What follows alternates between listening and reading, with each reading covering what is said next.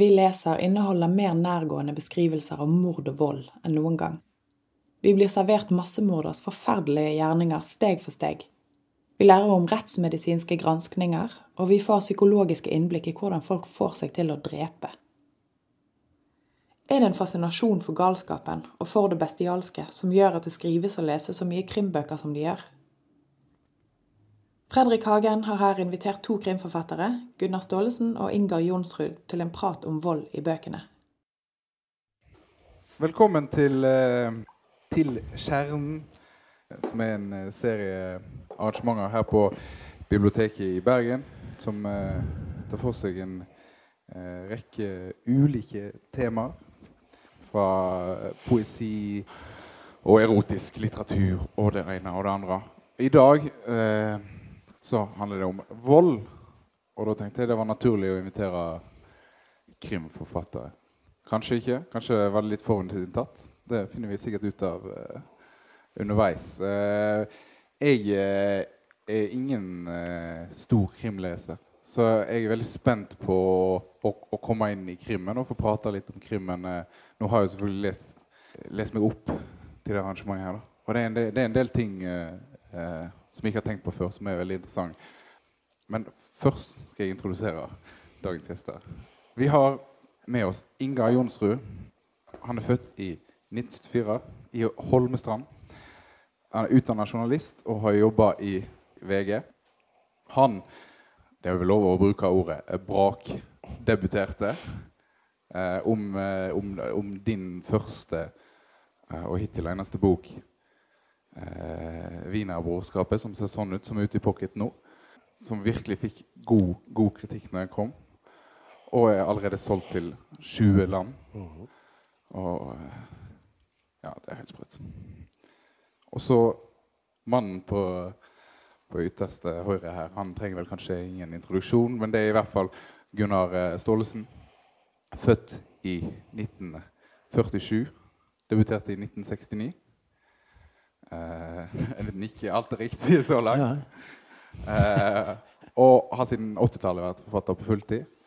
Og kanskje mest kjent for å skrive krim, uh, men har òg skrevet uh, romaner og barnebøker, og ikke minst teater. den siste boka hans er Den heter 'Ingen er så trygg i fare', som er en Varg Kommer det flere Varg-bøker? Ja da, jeg sitter og skriver på en nå, som forhåpentligvis skal komme til høsten.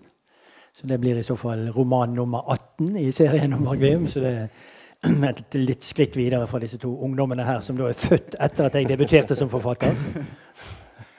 Men det, det tenkte jeg uh, Litt av utgangspunktet her, da. At vi har to krimforfattere i to uh, Er det, er det to, to, forskjellige generasjoner? Det er vel det? Er det en generasjon mellom dere?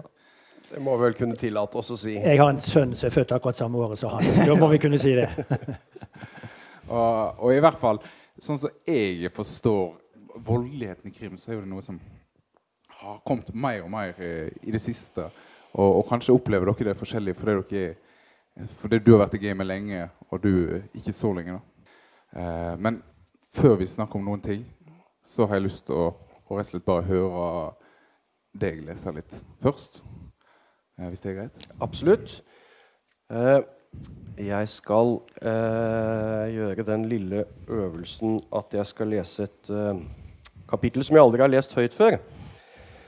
For krim er jo litt sånn Man kan jo ikke gi bort, gi bort hemmelighetene. Og, så da pleier jeg ofte å introdusere hovedkarakteren. Men i og med at dette skal handle om vold, så må jeg jo lese noe med et drap, selvfølgelig. Og det har jeg heldigvis beskrevet allerede i første kapittel, så det kommer her. I halvmørket ryddet flyvertinnen vekk det urørte brettet med røkelaks, havabbor fra Bosporos og wiensk apfelstrudel. Bevegelsene var raske, repetert så ofte at hun ikke trengte å bruke øynene. Mens hendene jobbet, gløttet hun bort på han, fikk det der uttrykket i fjeset som rammet enkelte da de så han på nært hold, som om det var en forstyrrelse i bildet, uten at hun klarte å sette fingeren på hva det var. Da hun strakte seg et champagneglasset, la han hånden sin på hennes. Hun trakk den raskt til seg. Varsomt skjøv han opp dekselet foran ruten. Medpassasjerene sov. Blinkingen fra lampen ytterst på vingen kastet bleke reflekser i glasset. Der nede, langt der nede, drev bleke hoper med gyllent lys. Europa. Det var lenge siden sist. Han lukket øynene, strøk pekefingeren over skjøten mellom masken og huden og tenkte på hva som lå bak ham. Jordstøvet hadde danset dovent i den milde ettermiddagsbrisen. Den stekende solen var pakket i et blekt, gråblått teppe. Steppen befant seg 1000 meter over havet, og atmosfæren var tynn. Luftmotstanden lav. Forholdene kunne ikke bli bedre. Urørlig lå det i stentrappen ved glipen øverst i det gamle minarettårnet. Temperaturen på utsiden nærmet seg 40 grader. Det var svalere her inne, men likevel sydende varmt. Han hvilte øynene, blunket og stirret ned i skyggene, vel vitende om at hvalen holdt oppsyn gjennom teleskopet. Møtet hadde vart i nesten fire timer. Skulle guvernøren rekke tilbake til sitt forskansede hjem før mørkets frembrudd, måtte han, måtte han snart ta farvel. Hvalen prikket ham på skulderen. Han visste hva det betød, og tok ladegrep. La øyet til sikte. Mannen han så, var, var umalt og rødbrun i fargen. En barehodet mann kledd i mørk vest og lys peran tunban, den tradisjonelle kjortelen som mange afghanske menn foretrekker, hadde åpnet balkongdøren. Det var Hassam, informanten som hadde lokket guvernøren hit. Hassam trådte side og lot en eldre mann få velge plass på smijernsbalkongen. Guvernør Osmal Abdullah Kamal. Trådkorset gled langs den brune turbanen hans, nedover skjegget som var fyldig og gråtonet. De to mennene sto i tilsynelatende taushet, skuende utover valmuemarkene. Rekylen gjorde at han mistet målet av syne, men da han senket geværet, så han at den 338-kalibrede Lapua Magnum-kulen hadde truffet nesten 5 cm til høyre for brystets sentrum. Prosjektilet kunne bommet verre og likevel drept. Ergrelsen prikket likevel i tinningene.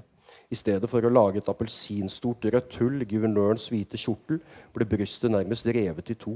En enorm fontene av blod fargla balkongen. Hassam og veggen bak. Guvernøren spant før kroppen traff døren.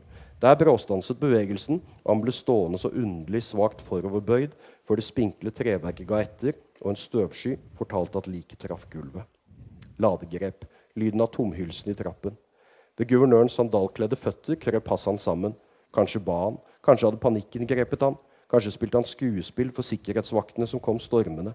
Det spilte ingen rolle. Skytteren justerte for vinden og økte press mot avtrekkeren. Øyeblikket etter tippet Hassans kropp over på siden. Hjernemasse, blod, hårrester og skalle dannet en oransjerød glorie i leirveggen. Morderen blunket og tenkte at øyet var et kamera. Og blunket, det lille, så vidt oppfattbare mørket når speilet ventes og tiden fryses. Dette øyeblikket var hans, og det var låst for alltid. Jeg stopper der, jeg. Ja. Da har dere fått med dere den uh, actionsekvensen, i hvert fall. Men i og med at nå leste du først, så må jeg bare eh, må jeg tenke på premissene når jeg, når jeg, når jeg, får samtalen. nå. Og, og, og tanken er jo liksom at du skal være den voldelige forfatteren. Eh, er du, er du, men er du enig? Jeg, er, er, tenker du at det er en voldelig bok? Eh, jeg tror eh, eh, Her finnes det sikkert like mange svar som det finnes forfattere. Men for meg så har det vært viktig den, den eh, Jeg vil ha med det voldelige, men jeg vil også på en måte ha med en balanse i forhold til, eh, til eh, mellommenneskelige relasjoner, til kjærlighet, til eh, far-sønn, far-datter-forhold, den historie, den typen ting. Men for meg så er det voldelige en viktig del av fortellingen. Det er det. Men, men altså, selve beskrivelsen av vold er viktig for uh, fortellingen? Ja, jeg tror det. For det er vel det vi sikkert kommer til å sitte og diskutere her etter hvert. er jo det at, at um, enhver krimbok inneholder jo en eller annen voldelig handling, og de aller fleste inneholder minst ett drap. Men det man veldig ofte, der man ser de store ulikhetene, er jo liksom hvor tett gå på skal du gå? Hvor nært skal du skildre det? ikke sant? Skal du på en måte beskrive denne hjernemassen? Skal du liksom inn i helt inn på åstedet, eller skal du ta et skritt tilbake? Og da er det naturlig å spørre deg, som skal være den mindre voldelige eh, representanten her. Er du enig i, i, i det utgangspunktet? Ja, altså Jeg liker jo å trekke litt sånn eh, historiske linjer her. da. Og vold har jo alltid spilt en viktig rolle i litteraturen. Helt tilbake til de greske dramaene. Altså Kong Ødipus er en av de beste kriminalfortellingene som noen gang er fortalt. Det handler om en detektiv som hvis vi skriver det om til krimspråk, en detektiv som etterforsker et drap der han selv er den skyldige, uten at han vet at det er han som har gjort det. Det er jo en genial idé for en kriminalroman. Eh, og det ender jo med hvis ikke jeg tar feil, at eh, når han da skjønner sannheten til slutt, så stikker han ut begge sine egne øyne. altså Han blinder seg sjøl. Ganske brutalt. Jeg vet ikke hvordan de gjorde det teaterteknisk i det gamle eh, Hellas. Og tar du spranget da til Shakespeare Macbeth, Hamlet Det er jo bloddryppende stykker. Så eh, verdenslitteraturen er full av voldsskildringer som selvfølgelig er tilpasset litt den tiden eh, de ble til i. Når det gjelder kriminallitteratur, så begynner jo den for alvor midt på 1800-tallet. Og den historien som internasjonalt regnes som begynnelsen på krimmen, det er jo mordene i Rymorg av Edgar Allan Poe. Det er et virkelig brutalt dobbeltdrap. En mor og en datter som er drept. Og i tillegg er det et lukket rom-mysterium. Og det er et ganske det er veldig uh, detalj, Ikke veldig detaljert beskrevet, men iallfall et veldig tydelig beskrevet uh, brutalt drap. Uh, og så Går du til Sherlock Holmes, Conan Doyle, som, der det ofte ikke engang skjer drap, der er det av og til bare en verdifull gjenstand som er stjålet. Altså, i, i, eldre krim så, så, var det nok med at det var en diamant, eh, et viktig papir, noe sånt som var stjålet, og så skulle Sherlock Holmes eller andre mesterdetektiver finne det. Men så kommer da den utviklingen som begynner egentlig med Agatha Christie. Det begynner litt tidligere, men sånn veldig firkantet så begynner det med Agatha Christie. Der går de over fra å skrive noveller til å skrive romaner. Og i en roman da holdt det ikke for å holde spenningen gjennom hele boken med bare et tyveri. eller sånt. Da dukker drapet opp for alvor. Og Agatha Christie er veldig klassisk der, for hun har som oftest et drap relativt tidlig, eh, som er det viktigste. Det er den personen som skal drepes fordi noen skal tjene penger på det. som oftest. Det er veldig ofte en arvesak hos Agatha Christie. Og så skjer det da eh, begynner jo da Hercule Poirot eller Miss Marple å eh, lete etter den skyldige. Og et stykke ut i boken så skjer det et nytt drap. Men da er det en tjenestepike eller en kelner en eller annen som har hørt et eller annet. Det er bare et kosmetisk drap, et dramaturgisk drap, som forfatteren legger inn. For nå må ha opp litt mer spenning igjen i boken, og så må du ha et drap. Eh, og så er det da selvfølgelig den, den Eh, tradisjonen som jeg befinner meg i, som er da fra Dashiell Hammett, Raymond Chandler og fremover. Og Raymond Chandler skrev da et essay om Dashiell Hammett, der han skrev da at uh, Dashiell Hammett tar mordet ut fra de britiske bibliotekene, der de blir begått fordi forfatteren trenger et lik, og ut i de bakgatene der de blir begått av folk som har en grunn til å drepe noen. Og da er du ute i den virkelige verden. Altså, er vi, det er den vi leser om i avisene hver dag. At det er drap som Selvfølgelig vil de fleste av oss si at det var ikke nødvendig, men de har som oftest veldig klare motiver. De har andre motiver i virkeligheten enn det man har i uh, krimbøker. Og så er du kommet frem til vår eh, Altså de to sidene, hvis vi skal si det, av krimlitteratur som vi helt klart befinner oss i. For selv om da Ingar bare har skrevet én bok foreløpig, så er det jo klart det er det er litt i uh, den senere Jo Nesbø-tradisjonen. Uh, jo Nesbø har jo utmerket seg med noen ganske uh, brutale skildringer. Ikke minst dette her eplet som man puttet inn i munnen på noen, og noen pigger ut, så man dør av å drikke sitt eget blod. Og noe man ikke får ut av munnen. da, altså Jo har jo selv sagt senere at han angret litt på akkurat den skildringen. der, Den var litt brutal. Så det er på en måte, tror jeg, da, et resultat av av film- og TV-vold. For nå er det blitt så spektakulært. Når man ser i den, den enkleste TV-serie, så ser man da ganske brutale drap. Og man er inne på, hos patologen og skjærer i lik og spretter de opp. Og i det hele tatt, det er nærheten til til virkelige brutale skildringer eller ekte skildringer av uh, mordoffer har gjort noen uh, veldig store skritt bare siden jeg skrev min første kriminalroman for uh, ca. 40 år siden. Men jeg tilhører da en annen tradisjon. Jeg tilhører den tradisjonen som da egentlig er litt tilbake til Agatha Christie igjen. Jeg må ta livet av noen mennesker fordi jeg trenger, det, uh, trenger et lik. For, fordi jeg må ha det i, uh, i, det mysteriet jeg skriver, eller den gåten jeg skriver. Men jeg har alltid stort sett unngått de nærbeskrivelsene, de detaljerte beskrivelsene av liket. Det, det, er nok at det ligger et lik der, og vedkommende er død. Og så vil man selvfølgelig måtte ha en beskrivelse om det, om det står en kniv i brystet, eller om de har uh, fått uh, en dump gjenstand i hodet, eller hva nå som har tatt livet av dem. Men aldri i sånn detaljbeskrivelse. detaljbeskrivelse. at ut fra min type krimlitteratur, så, så, føler jeg ikke at jeg har behov for det. egentlig. Det, det, det er nok for meg med, altså Jeg er mer opptatt av psykologien rundt det hele. Både når det gjelder hvorfor drepte noen dette mennesket, og hvordan finner man ut hvem det var. Det var et langt svar, i hvert fall. Men, men, men altså, du sier jo at TV og, og, og, film er en del av påvirkningen i, litteraturen. Men lar ikke du deg sjøl påvirke av TV og film? Nei, altså Tvert imot så må nok jeg si det at uh, i de senere bøkene mine så har jeg nesten lagt vekt på å være mindre brutal.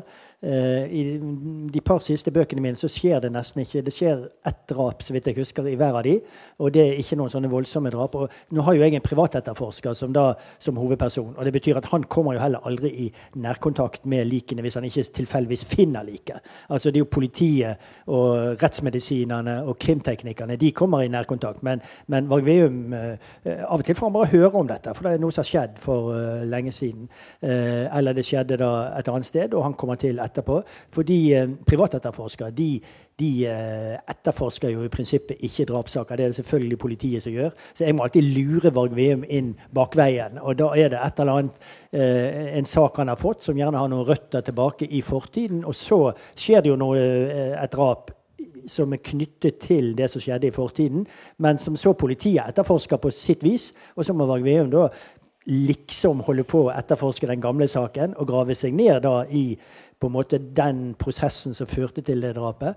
Men det er jo også en mye fredeligere type etterforskning. For Veum går stort sett rundt og snakker med folk. Altså Det er samtaler, eh, og forhåpentligvis relativt spennende samtaler. For det er jo stort sett folk som da har noe å skjule. og som, Det skal man alltid huske når man leser en kriminalroman, at alle lyger.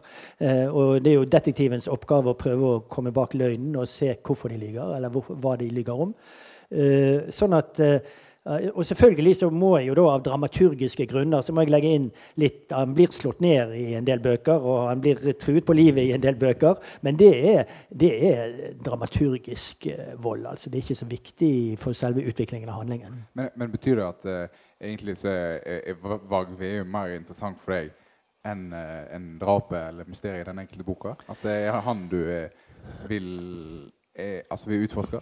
Nei, det er det ikke. Altså, Vargveum er på en måte bare Innfartsvinkelen innfallsvinkelen til fortellingen. Men alle de andre personene som han møter, det er det som er viktig for meg. Og temaet som knytter seg til de personene, altså et miljø som jeg har lyst til å beskrive, en type tematikk som jeg har lyst til å beskrive, det er viktig. Men Vargveum er på en måte bare øyet som ser på dette her. Og jeg legger jo vel så mye vekt rent litterært i å, å, skildre da, tro, tro, troverdige personer i det miljøet som da på en måte befinner seg i en sirkel rundt uh, drapet. Mm. Dan Turell, som var en dansk krimforfatter på 70-80-tallet, 90-tallet òg, uh, han uh, sa en gang uh, når vi var sammen i et TV-program i Danmark, at i det øyeblikket du har et lik liggende på gulvet, så har du da familien til liket, du har en lege, du har politiet, du har en prest. Etter hvert har du mistenkelige personer. Så rundt det liket så får du da sirkler som etter hvert arbeider seg lenger og lenger ut i samfunnet. Så en moderne kriminalroman er jo egentlig veldig ofte en, en roman om et samfunn, om en tid, tiden vi lever i, og fenomener i denne tiden. Men vi bruker kriminalfortellingen til å fortelle disse historiene, for det, det er en effektiv måte å fortelle på, og den når ut til flere lesere enn hvis vi skulle skrevet det samme som en litt mer traust, eh, tradisjonell roman. Hva tenker du om dette? Jo, jeg tenker det. Jeg satt i eh, Hvis jeg får lov til å bli litt, eh, litt eh, filosofisk eh, For jeg satt og, og på vei eh, hit til Bergen, så tenkte jeg litt på det. Hva, hva er det som Eller hva er det med denne volden og, og den skildringen av kriminalitet som som fascinerer oss. For det er jo sånn hvis man, uansett om man leser bøker eller om man ser på TV eller leser aviser, eller hva som helst, vi er jo omgitt av den type fortellinger hele tiden. Og så slo det meg det at det eh, egentlig så er det jo på en måte det ikke-vold, forholdsvis da, ikke-voldelige samfunnet vi lever i. Det er, jo, det er jo det unaturlige.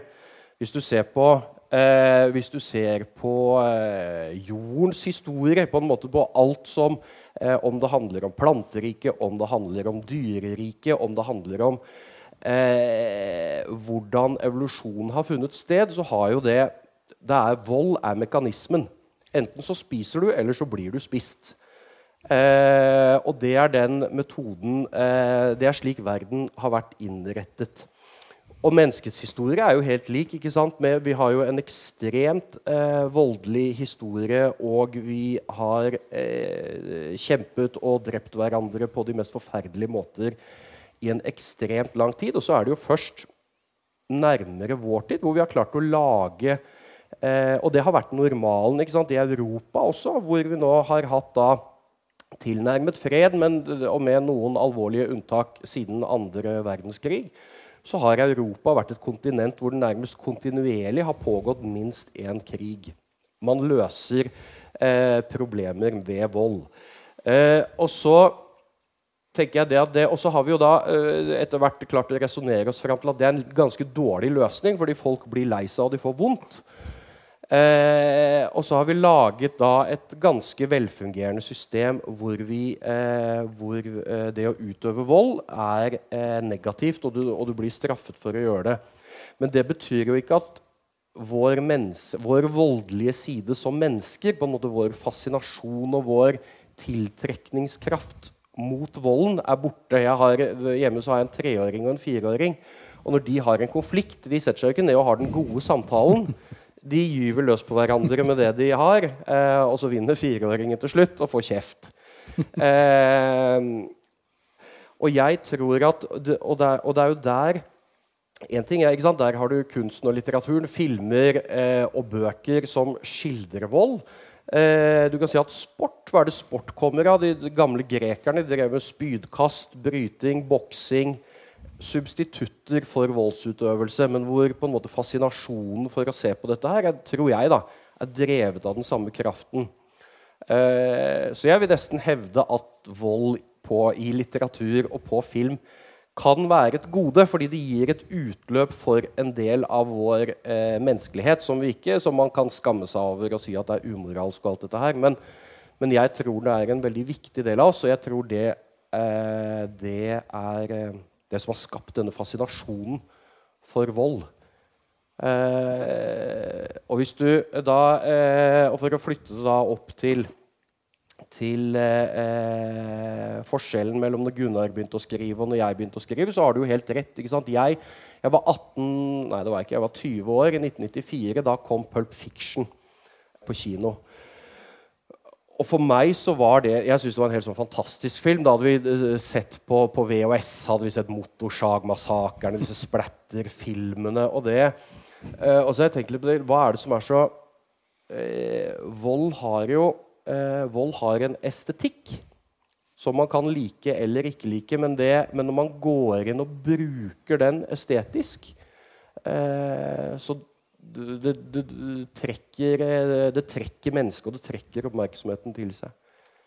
Uh, du får meg til å tenke på Clockwork Orange, mm. som jo virkelig handler om stilisert vold. Sant? Der de gjør volden til en ballett. Uh, på en måte. Og det, det, jeg er jo ikke uenig i det du sier, uh, men jeg er veldig glad for at vi lever i fredeligere tider, og at vi bor i et, i et samfunn som Norge der volden heldigvis er veldig sjelden egentlig i, uh, i vår tid. Uh, fordi uh, vi lever jo i en type sosialdemokratisk velferdsstat, eller i restene av den. og i mitt forfatterskap altså Varg Veum er jo sosionomutdannet, han har jobbet i barnevernet. Han har liksom sosionomholdningen til livet, så han vil heller prøve å forklare mm. hvorfor er disse menneskene slemme med hverandre. Mm. eller er det da en liksom iboende ondskap? Altså Det er en diskusjon som krimforfattere ofte har. for det finnes, altså Agatha Christie for eksempel, trodde helt klart at det fantes mennesker som bare var onde og satt og planla mord på andre øh, liksom, virkelig i detalj. Og det er veldig mange moderne den, type, De som skriver seriemorderromaner, f.eks. Da har du også en veldig ond seriemorder, og så har du en ikke fullt så ond politimann. Øh, og det er liksom kampen det står mellom. Det er jo den klassiske bibelske dramaet det er mellom Gud og Satan og øh, det onde og det gode. Så det er jo en mytologisk himmel over eh, dette også. Men jeg tror jo de aller fleste Eller vi er jo alle redd for vold. Altså, vi vil jo ikke like å bli utsatt for vold. Og, og, hvis vi blir det, så er jo det noe som gir oss traumatiske minner for, for resten av livet. Så eh, det, det, jeg på en måte reagerer litt på, er, er, at hvis Og det ser man jo i en del kriminallitteratur og i en del filmer, der den groteske, brutale volden på en måte ikke har noen annen hensikt enn å lage en type underholdning. Mm. Eh, fordi det er er, er, noe tiltrekkende ved å se på det. Men, men det kan være at jeg er litt uh, ikke har mage for akkurat det. Jeg, jeg uh, ser litt vekk og til siden hvis de blir for brutale, i, enten det er på film eller TV. Det er ikke det samme ja. med bøker. For bøker da lager man jo sine egne bilder inni hodet. Da kan man på en måte eh, retusjere de litt. Men på film og TV så får du det jo rett i eh, ansiktet. Ja, det, det, det, er jeg helt enig med deg Og jeg tror det jeg tror eh, det som Jeg har tenkt mye på når jeg har skrevet dette, eh, dette her, er at eh, det må ligge et motiv bak volden. Det må være en drivkraft. Det må være en eh, For det skiller jo sant, den gale seriemorderen som egentlig bare dreper mennesker fordi han har lyst til å drepe mennesker. Eh, eh men å, å, å, gå inn og liksom prøve å forstå mekanismene i det å begå onde handlinger jeg tror hvis du eh, Jeg har jo som du sa jobbet, jobbet, lenge som journalist. og Da får man jo sitte i en del rettssaler og, og høre drapsmenn forklare seg. Og veldig ofte, hvis du da ikke prater om et rent sjalusidrap eller ting begått i affekt eller noen som bare er slått ned ute på gata, så ofte så ligger det jo en eller annen misforstått god handling bak. Man skal beskytte noen. Eh, man handler på vegne av noen andre. Volden har et slags forståelig motiv. Eh, her så flytter vi oss tilbake igjen til, sant, til andre verdenskrig. Skriver, jeg skriver om nazisme og rasebiologi og dette her. Eh, og det er klart at nazismen er jo ond, men, men den oppsto jo ikke som en ondskap. Det oppsto jo en, som en slags idé om om man skulle verne det ariske, og man hadde en sånne ideer som man kunne si handlet mer om å bevare enn å ødelegge. Og så gikk det bare fullstendig eh, galt. Eh, du ser jo det samme i dag, med, hvor man står i, i eh, en situasjon med terrorisme og fundamentalisme. og Eh, det er en ekstrem ond handling å gå inn et eller annet sted og sprenge seg selv i luften. Men jeg tror, da Dette er jo min teori, eh, men ikke bare det, tror jeg. Men, men, man gjør jo det fordi man tror man handler rett. Man gjør det jo fordi man tror at Gud vil at du skal gjøre det. Eh, man gjør det fordi man, man eh, opplever det som en positiv handling men som sett utenfra og, og ja, objektivt sett òg, for så vidt er en ekstrem ondskapsfullhet. da. Ja, Du er jo inne på en interessant diskusjon der. for det er klart at, at det er jo en type vold som kan, kan uh, forsvares. Uh, og det er f.eks. kampen mot nazismen. Altså du, hvis man ikke hadde hatt en uh, voldelig motstand mot nazismen, så ville vi alle vært under nazismen i dag. Uh, og tilsvarende er det med moderne terrorhandlinger. Altså, dessverre så er det slik at antiterrorpoliti og andre må rett og slett ta livet av noen for å forsvare andre. Og Krimforfattere får jo veldig mange merkelige spørsmål av journalister opp gjennom årene. Og et av de spørsmålene jeg har fått opptil flere ganger, er om jeg kunne drepe noen selv. Og, og, da sier jeg jo eh, selvfølgelig det som de fleste vil si. Ja, altså hvis du er i den situasjonen at noen vil gjøre dine nærmeste noe veldig vondt, og du må forsvare deg, rett og slett, så er det godt mulig at man kunne drepe et annet menneske. Da må vi jo bare rett og slett eh, gå til Nybjørneren og, og la deg få det spørsmålet med en gang. Du kommer til å få det så mange ganger. Kunne du, kunne du drept For et tullete spørsmål. Beklager jeg stiller det, altså, men kunne du drept meg? Nei, det, det, blir litt kjedelig svar. For det er jo som Gunnar sier. Jeg tror eh, det er jo, Man er jo helt gitt situasjonen. Vi er jo villige både til å Jeg tror vi er Eh, for mine barn, f.eks. Man er jo villig til å ofre seg sjøl og andre for å holde de i live. Der er du tilbake igjen til det bibelske og, og, det å på en måte eh, kjempe for de man er glad i. Det, eh, men, er man, men, men, jeg går ikke rundt og tenker at han er en dust, han har jeg lyst til å drepe. Eh, så jeg har veldig lite sånne voldsfantasier selv om liksom, mine medmennesker. Men i en gitt situasjon tror jeg eh, Det var også et tema på, på krimfestivalen i Oslo i helgen. I en gitt situasjon tror jeg alle kan bli drapsmenn og drapskvinner. Men, men tror dere det fins eh, eh, umotivert eh, vold? Altså Kunne en sett for seg en krim der, som bare var voldelig, der det rett og slett Varg Veum kom fram til at det, det, var ingen Det var bare volden i seg sjøl som var ja, altså det kan jo selvfølgelig se. Da er du over i en, i en uh, sjanger som jeg har uh, lovet med hånden på hjertet at jeg aldri skal skrive, nemlig serie, uh, seriemorderromaner. for det igjen inntar jeg litt sosionomholdningen der. fordi jeg tror da egentlig ikke på ren, pur ondskap. Men det finnes selvfølgelig mennesker som gjør gjennomført onde handlinger. De tar livet av mennesker på groteske måter. Det finnes det jo, kan man lese i avisene om. Ikke så mye fra Norge, heldigvis, men fra en del andre land. Og da vil vel jeg eh, karakterisere de som sinnslidende, rett og slett. Altså, de har en feil i hodet som gjør at de, de har ikke følelser. Eller de må, eh, de må utføre vold. Og det, da er det noen som egentlig bare skal innlegges et sted. Det er ikke så veldig interessant for meg som kriminalforfatter å skrive om den type, type mennesker. Kunne du skrevet om det? Nei, jeg tror eh, jeg, eh, Nei, jeg tror ikke det. Jeg tror det For meg så handler det om det å forstå mekanismene bak.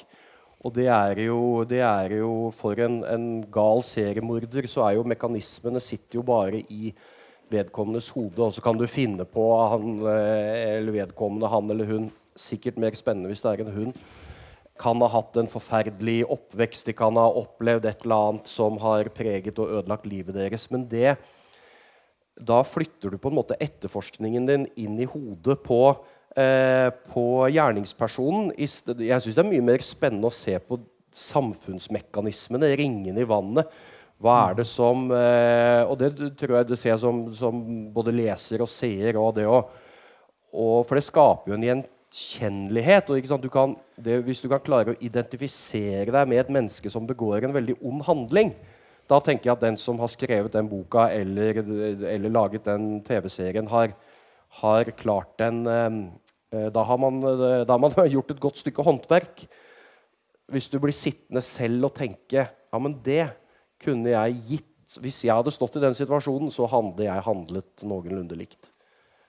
De, de, fleste virkelige drap i Norge det er jo da eh, spontane drap. Altså det er, enten er det da veldig ofte er det jo sjalusidrap, eh, eller så er det eh, en eh, innbruddstyv eller eh, noen som holder på med noe sånt, som blir overrasket på åstedet, og så må de da gripe til vold for å komme seg ut. Og av og til med den volden så kraftig at de tar livet av noen. Det er de to hovedgrunnene til at noen blir drept i eh, Norge i dag. Dessverre tror jeg med stor overvekt på disse disse sjalusidrapene. I senere tid, i hvert fall. Så finnes jo noe av det du har arbeidet med, og som du skriver litt om boken også, med sånne religiøse sekter, som da mm. også kan provosere frem både det ene og det andre. Mm. Jeg var jo i eh, Jeg jobbet for VG i Stockholm eh, under Knutby-saken. og Det var jo en religiøs eh, sekt hvor en av pastorene, en norskættet pastor der, han hadde vært norsk, byttet statsborgerskap klarte å overtale eh, Eller hjernevaske er det rette uttrykket. Eh, deres barnepike. En eh, pen, ung, smart dame på ca. 20 år til å skyte og drepe sin egen kone før han, eh, hun gikk over til nabohuset og skjøt eh, et annet menighetsmedlem rett i, eh, i ansiktet. og jeg satt og fulgte de fulgte de eh, Det var to rettssaker. En i tingretten og så i lagmannsretten etterpå. Og da å sitte og følge dette denne eh, gruppen mennesker som var eh, stort sett unge, de var ganske velutdanna, smarte, eh, pene, karismatiske folk. Men som levde et eh, liv og hadde en tro som var helt, helt, helt på siden av det lille samfunnet som de var det, en del av. Eh, og der, Selv om denne boken handler jo ikke om Knutby-sekten, så det er på en måte, det å få sånn gløtt under teppet da, Se den derre Hvor galt det kan bli. Når du tror Disse trodde jo Der var det jo en dame Jeg vet ikke hvor mange av dere som husker den saken, men der var det jo en dame som som eh, kaltes for Kristi brud. Hun var en litt sånn eh, eh, dronningskikkelse i denne bevegelsen. og her, eh, De var jo dypt religiøse, men alle drev likevel og lå med alle hele tiden. Fordi det var noe Gud hadde fortalt Kristi brud at sånn skulle det være. Og, og, er, og det var sant. Eh, så eh, for oss så virker det så utrolig fjernt og så langt vekke, men det er jo det, er, det har faktisk skjedd. Og rett over grensen til Sverige. Og rett over grensen til Sverige. Eh, uh, jeg vet ikke helt hvordan det spørsmålet ender, men altså uh, bø Bøkene be be består av språk, og språk Når det beskriver vold, så er det i hvert fall det, det språket er lagd for, for, å beskrive. Så det er iallfall en ærlighet i, i, når en beskriver vold. for det er i hvert fall det språket blir brukt i beskrivelser. Men dere sier dere ønsker å ut utforska altså mekanismene bak er, har, har, dere egentlig et grunnlag til å Altså åssen Tror dere at sånn som så drapsmenn fungerer i deres bøker, eller krimlitteratur generelt, da, at, at, det er sånn altså For dere er jo ikke drapsmenn sjøl, så innbiller seg hva mekanismer eh, Ja, da var det, og så var det det Hva ble spørsmålet til slutt? Eh, Nei, men, jeg tror altså, jeg skjønner litt hva du Tror. Tror du at dere kan ja. forstå Eller ja, ja, da kan du bare svare hvis du har skjønt. Nei, men altså Jeg føler det at, at jeg som forfatter er egentlig ikke så veldig interessert i uh, forbrytelser i det hele tatt, eller i kriminalitet i det hele tatt.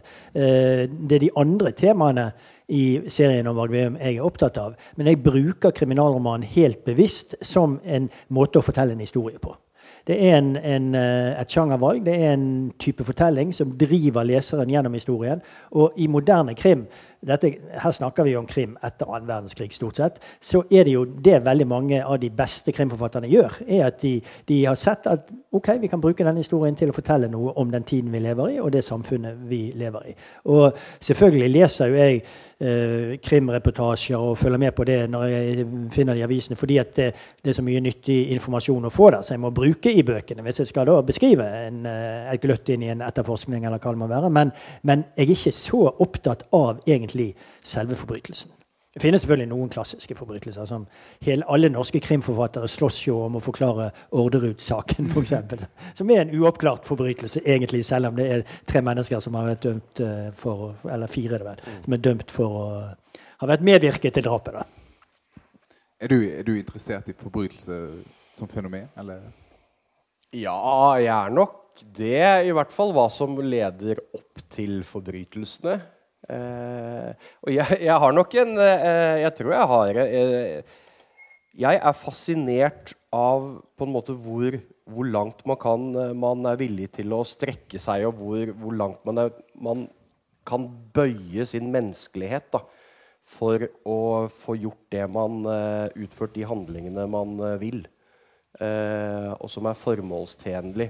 Tilbake igjen litt med dette her med med Når du er pastor i en menighet, og du overtaler eh, barneflikkaen din til å drepe din egen kone, hvordan er det mulig? Mm. Det syns jeg er fascinerende. Eh, og så er det eh, Det er veldig sånn befriende å kunne sitte og, og, prate om dette temaet i en time. Ofte så, så, når man diskuterer bøker, så kommer det alltid en sånn kjapp Ja, men det er litt mye vold i boka di, er det ikke det? Eh, og da pleier jeg å svare det, det, det sånn politisk korrekte svaret da er at ja, men jeg skildrer en uh, politimann, og mitt uh, Og det jeg har tenkt når jeg har villet skrive dette, her, er at jeg vil på en måte være hans øyne, øre og nese i det, mm. i det han uh, tråkker inn på et åsted. Slik ser det faktisk ut. og det tenker jeg er et ok utgangspunkt, gitt at vi på en måte lever i en kultur som vi gjør. Eh, eller i et sånn kulturelt bilde hvor vold masseproduseres som underholdning. Men så er det det politisk ukorrekt-svaret som jeg har tenkt å si her i dag. Det er jo det vi snakket om i stad. Jeg er også jeg er fascinert av Vold har en estetikk eh, som jeg tror ligger liksom dypt, i hvert fall dypt i meg. Eh, eh, som fascinerer meg på en eller annen måte. Min, det er min dårlige side. Eh, går, du, går, du, til eh, eh, skrivearbeid, og, og, så gleder du deg til å være voldelig? ja, jeg tror jeg gjør det, egentlig. Uh, nei, jeg ser, når jeg på en måte setter meg med det, da må jeg fokusere veldig på det, og så skriver jeg sånn intenst. Prøver å bruke uh, Og så må jeg redigere det etterpå, men det å på en måte bare få, få det ut, da, la det være en veldig mye av den når jeg sitter og skriver, er litt sånn teknisk, og man har en plan, og jeg vet hvor jeg vil hen. Akkurat når jeg liksom skal inn og skildre vold, så tenker jeg at da må jeg la liksom det, det lille dyret som enhver holmestranding har i seg, brøle, på en måte. Når jeg tenker på Holmestrand, så tenker jeg først på, fremst på Harriet Bakker, som er jo veldig, veldig rolig. da. Ja, men, uh, Tilsynelatende. Ja. Det har kanskje skjedd noe i Holmestrand på året. Uh, men, men, men, tenkte du at når du skrev at du var spesielt voldelig? Eller tenkte du at dette er sånn, sånn krim er beskrevet i dag? Jeg er nok et veldig uvoldelig menneske. Jeg var pasifist og hadde siviltjeneste istedenfor militærtjeneste. Uh, jeg er et veldig uvoldelig menneske, og jeg mener at vold er en utrolig dårlig løsning på nesten alle problemer. Men uh, dette hadde blitt en ganske kjedelig bok hvis jeg skulle skrive den med det utgangspunktet. Jeg tenkte her får jeg bare åpne døra og se hva som kommer. Og det kom en del vold? ja da. Ja, men no som sagt tenker, Ja, det gjorde det. Samtidig sant, som det kommer Det handler, som jeg sa innledningsvis, det skal også handle om kjærlighet. Det skal også handle om relasjoner. Det skal handle om å forstå voldsbruken. Det skal handle om mange ting. Det, det, det må være en sånn fin balanse. Volden for volden sin skyld er jeg ikke så veldig interessert i. Det, det, er ikke det landskapet jeg vil bevege meg i. Mm. Eh, men jeg vil at det, skal, det er ett av de krydderne jeg putter i den gryta. Da.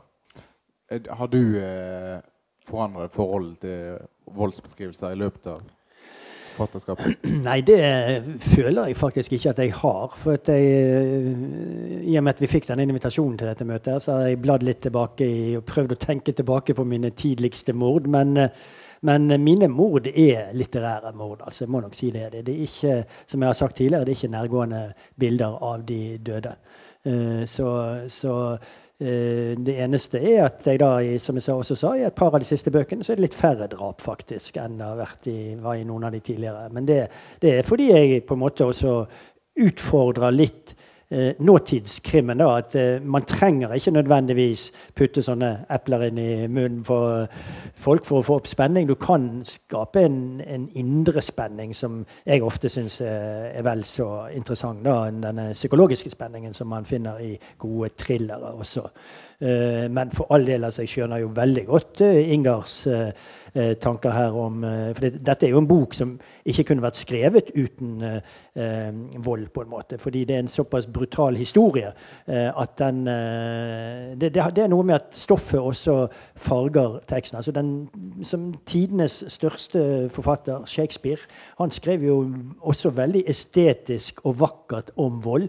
Det finnes jo noen utrolig flotte monologer og poetiske gjengivelser av vold i hans hans bøker. Og det er vel litt det Inger er inne på her også, selv om han, han, man ser jo at dette er en, en, dreven journalist som har skrevet dette her også. Her er korte setninger og full fart og korte kapitler også. Så dette er, er en, det er en veldig profesjonell eh, debut som det er bare å bøye seg i støvet for å debutere med en, en så spennende bok som det der. Ja, nei, det er all, ros er fortjent her. altså.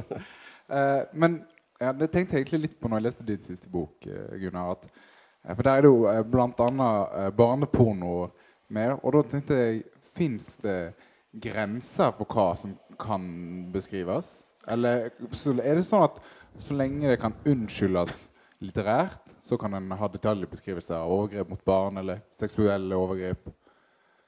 Altså, det finnes jo grenser i måten du beskriver det på.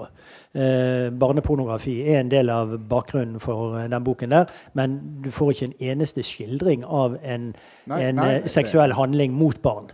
Eh, du får høre at de ser disse bildene på eh, PC-skjermer og, og, finner kopier av det. Men, men, jeg er helt bevisst på at dette er ikke noe jeg har lyst til å skildre. Og, og det er nok noe av det jeg kanskje ville det, det, er jo dessverre, eller dessverre, men det er i hvert fall noen krimforfattere som beskriver slike handlinger også. Eh, det er noe av det jeg liker aller minst å lese selv. Da. Og da vil jeg jo i hvert fall ikke skrive det. Det var den eldre garde. Hva sier eh, nykommere? Nei, jeg er langt på vei enig. Jeg tenker at det finnes noen uh, uskrevne regler alt handler om, selvfølgelig om setting. Og det er jo som du sier i din bok, du beskriver jo et, et fotografi, og man får jo en forståelse av hva som, som beskriver et overgrep mot et barn. Eh, nøkternt, men likevel mer enn nok til at du ser dette bildet eh, for deg. Og, og, det er klart, skal du bevege deg inn i et sånt landskap, så må det være helt nødvendig for fortellingens del. Mm. Og, man skal skrive om uh, barnepornografi. Man skal skrive om seksualisert vold fordi det er en del av det samfunnet vi lever i. Jeg tror Det er, en, det er, det er jo en viktig del av litteraturen, om det er krimlitteratur eller annen litteratur. Men da skal du, du skal eh, tenke deg om to ganger, og du skal vite veldig nøye hva du gjør. For dette eh, Det kan du jo si når du skriver på en måte eventyr, som jeg gjør sånn, I, I, James Bond-sjangeren så er det det er en kontrakt mellom meg og den som leser bok om at dette er et eventyr. Her er vi, Ja, det er voldsomt, men alle, alle er på en måte med at dette er ikke eh, ens egen hverdag en beskriver. Det er noe annet når man går inn i relasjoner hvor mange dessverre, du som leser boka, kan ha, ha, opplevd ting, kan ha vært utsatt for lignende handlinger. Det, og da skal du gå inn i det ja, skal du tenke deg nøye om hvordan du går fram, tror jeg. Mm. Og du har jo, jeg syns jo det er veldig nøkternt Enkelt, men tydelig eh, forklart. Mm. Og, og, du kunne ikke skrevet den boka uten å ha med den skildringen. Nei da, det må man jo. Og man ser jo uh, i TV-serier der det også dukker opp uh, gang på gang uh, som et motiv, det med barneporno, så ser man jo alltid at bildene på skjermen blir, blir ufokusert. Mm. Så de, de, de, de, gjør egentlig det samme, for de kan ikke vise slike bilder på TV der det sitter barn og ser, f.eks. Og knapt nok voksne har godt av å se den slags. Men eh, eh, vi snakket jo Eller det var du som sa det, at, at det kan være at en har behov for å se vold da, når en er mindre voldelig. Men kan det òg eh, virke motsatt? At, opp, at, noen tror at noen altså får mer lyst til å utøve vold når de leser voldslitteratur? Nei. Nei, det tror jeg ikke noe på. Nei, Er du like kort? Nei, det er jo den beskyldningen som alltid har kommet mot først litteratur, senere mot film og TV, at det fører til at folk blir uh, voldelige. Jeg kan nok ha, stille et lite spørsmålstegn ved om ikke en del av denne uh, filmvolden, der uh, de fortsetter å sparke i hodet på folk som ligger nede, at den kan ha hatt en viss uh, smitteeffekt. For det er jo noe som politifolk og mange andre beskriver, da, at den gatevolden som oppstår når noen barker i hop når de er full om lørdagskvelden, Eh, den er blitt mer brutal i dag enn den var for 20-30 år siden. Og det kan man jo lure på om kan ha med denne den litt stiliserte volden fra, eh, fra billedmedia først og fremst, tror jeg. Jeg tror ikke, ikke, bøkene har den type innflytelse, for der ser man ikke på samme måte at noen blir sparket når de ligger nede. Er du, er, er du tenker du at ja, uansett ja, medie, så øh, jeg tror eh, Man kan jo snu det litt på hodet og si at det, eh, det man i hvert fall får i en, en uh, bok hvor det er veldig tett på beskrevet, så får man jo også se konsekvensene av vold veldig tydelig. Mens man i, eh, hvis du går 20-30-40-50 år tilbake, særlig innen filmindustrien, men også litteratur, der virker det jo som om du kan stå og slå hverandre i ansiktet i en halvtime uten at noen uh, får et blått øye, eller at, uh, at man begynner å blø. Så, men jeg tror Det er jo litt sånn Det var vel Nancy Reagan på en måte som startet den krigen mot eh, vold i kulturen. Og det handlet om musikk, det handlet om film, det handlet om bøker. Etter hvert så har det handlet om dataspill. Jeg tror at det Jeg skal ikke si at det er eh, ikke en av faktorene som kan eh, være med i det regnestykket, men jeg tror det er et mye mer sammensatt bilde. Jeg tror et velfungerende menneske leser ikke en bok og går ut og dreper noen. Er du gal i utgangspunktet, så lar du deg kanskje inspirere. Vi, vi, vi må uh, runde av snart. Men et, et siste spørsmål uh, før, uh, før, du skal lese, Gunnar. og det går til dere begge to. altså. er vold liksom de, i, de siste ti årene, da kanskje, post Jo Nesbø, er vold blitt, blitt et like stort sjangertrekk for krimmen som mysteriet? Ja, Det er et godt spørsmål. Og jeg føler vel altså Jeg ser jo, jeg prøver jo å følge med uh, det som dukker opp av nye krimforfattere. Det er jo slett ikke alt man får lest, men uh, noen plukker man ut. Og jeg føler nok at uh, en god del av de nye krimforfatterne jeg har lest, har litt mer spektakulær vold enn det man fant for 30 år siden. Jeg eh, skal ikke nevne navn her, men det er en forfatter som da flår alle likene sine i en bok, f.eks. Flådde lik eh, da, er, du over på seriemorderkonseptet. Eh, vel, det kan kanskje bli litt uh, nifst for noen. Jeg ble, litt, jeg ble, ikke så veldig begeistret for den boken nettopp pga. de flådde likene. Og, og Det finner man også i noen andre. Man ser nok at uh, smitten fra Jo Nesbø er ganske sterk, selvfølgelig, fordi alle vil bli den neste Jo Nesbø. Og hvis de da ser at uh, han bruker en del vold, som han gjør i de senere bøkene sine, men, men det var jo ikke så mye i de første fire-fem i serien. altså de har jo eksalert, eksalert litt. så ja, jeg tror for en del så eh, er de mer opptatt av å skildre vold enn å lage et virkelig godt mysterium. Inger? Ja, jeg tror det Så ærlig må man være. Jeg tror at det er eh, et uh, trekk ved vår, uh, ved vår tid at, uh, at litteraturen, krimlitteraturen, nok er mer voldelig.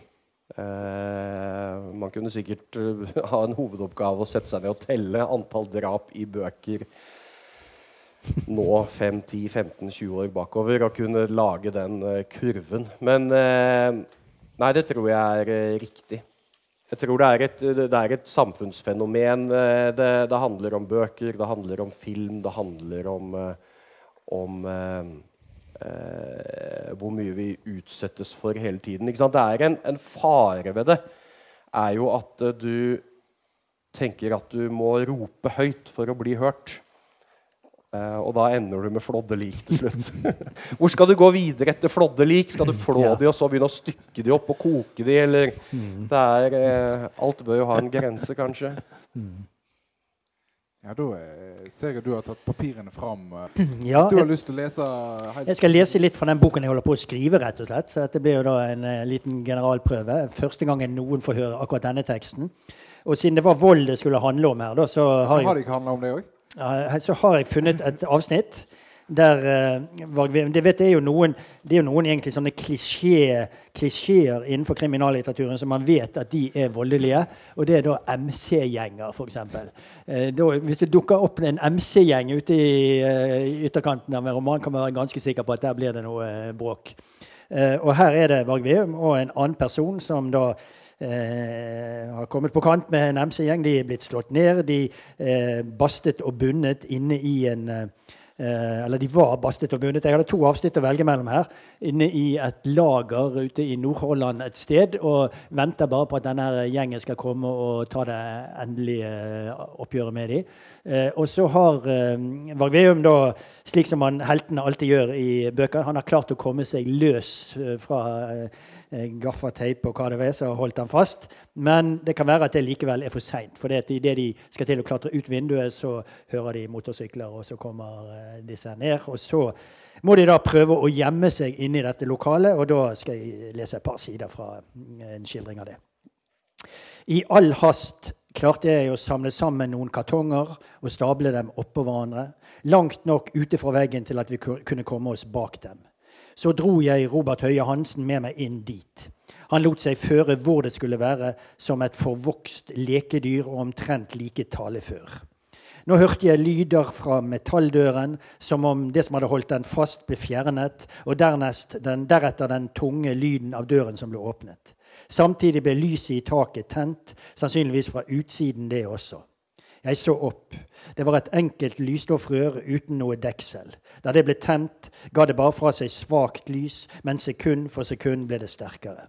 Jeg glippet med øynene og så på Robert. Han knep øynene sammen som om lyset ble for sterkt for ham. Han sto med halvåpen munn og gispet etter luft som en fisk på land. Hva i svarte helvete, hørte jeg et utbrudd fra døren. Så kom stemmen til Torfinn Vangen. Hva faen? Se der oppe, vinduet! Hvem faen var det som bandt dem fast? Det ble stille. En tynn røst sa, Du sjekket det selv, Torfinn. Sjekket og sjekket, det stolte vel for faen på Hvem var det? Du? Anders? Bjørn? Det var så vidt jeg oppfattet noen mumlende, unnvikende svar. Det er jo ikke sikkert de har kommet seg ut ennå, sa en stemme jeg ikke hadde hørt før. Gjengens smarting, kanskje. Nei, sa Torfinn Vangen, du har rett. Jeg presset meg inn til Robert og krøp sammen det jeg kunne selv bak den smale stabelen med pappkartonger. Vi hørte lyden av tunge støvler som beveget seg gjennom rommet nærmere og nærmere. Ute på gulvet foran der vi sto, stoppet de opp. Jeg holdt pusten. Det kom et litt ubestemmelig utrop, som et halvkvalt lattergisp. Jeg hørte noen udefinerbare lyder og deretter lyden av flere støvler som sluttet seg til det første paret.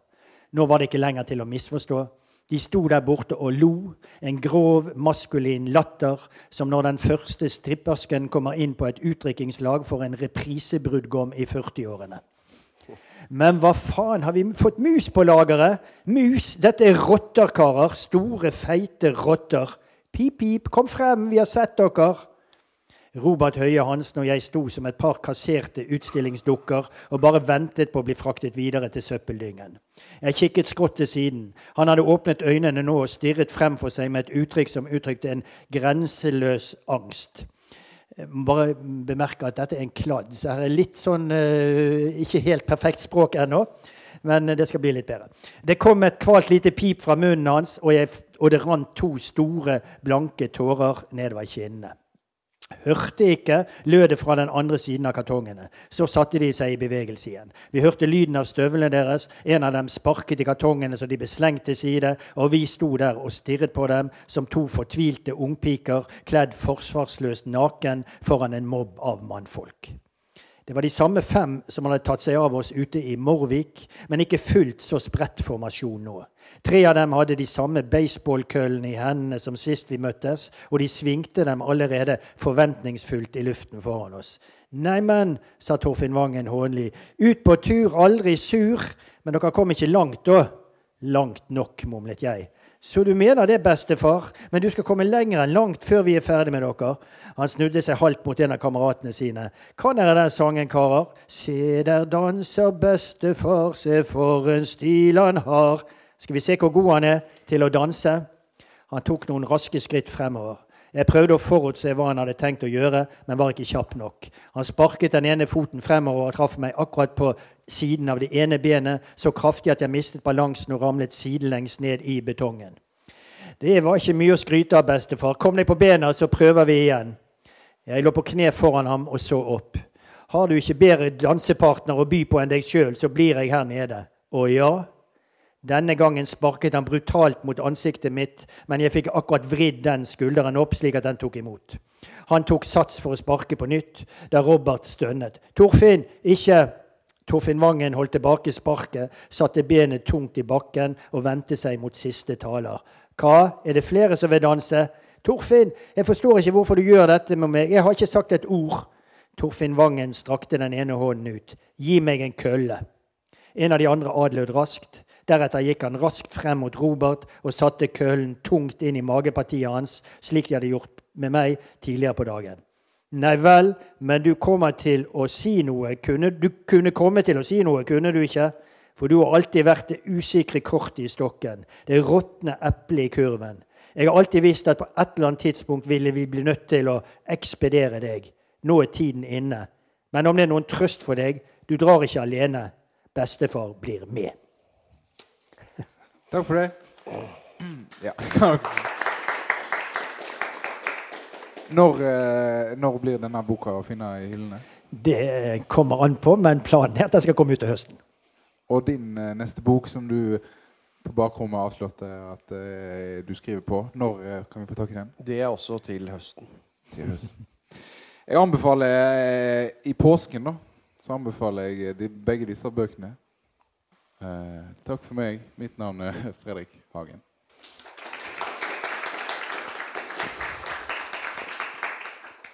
Du har lyttet til en podkast fra Bergen offentlige bibliotek. Har du lyst til å høre flere av våre episoder, kan du sjekke oss ut på bergenbibliotek.no bobcast, eller du kan søke oss opp i iTunes eller i podkastappen din og abonnere på oss der.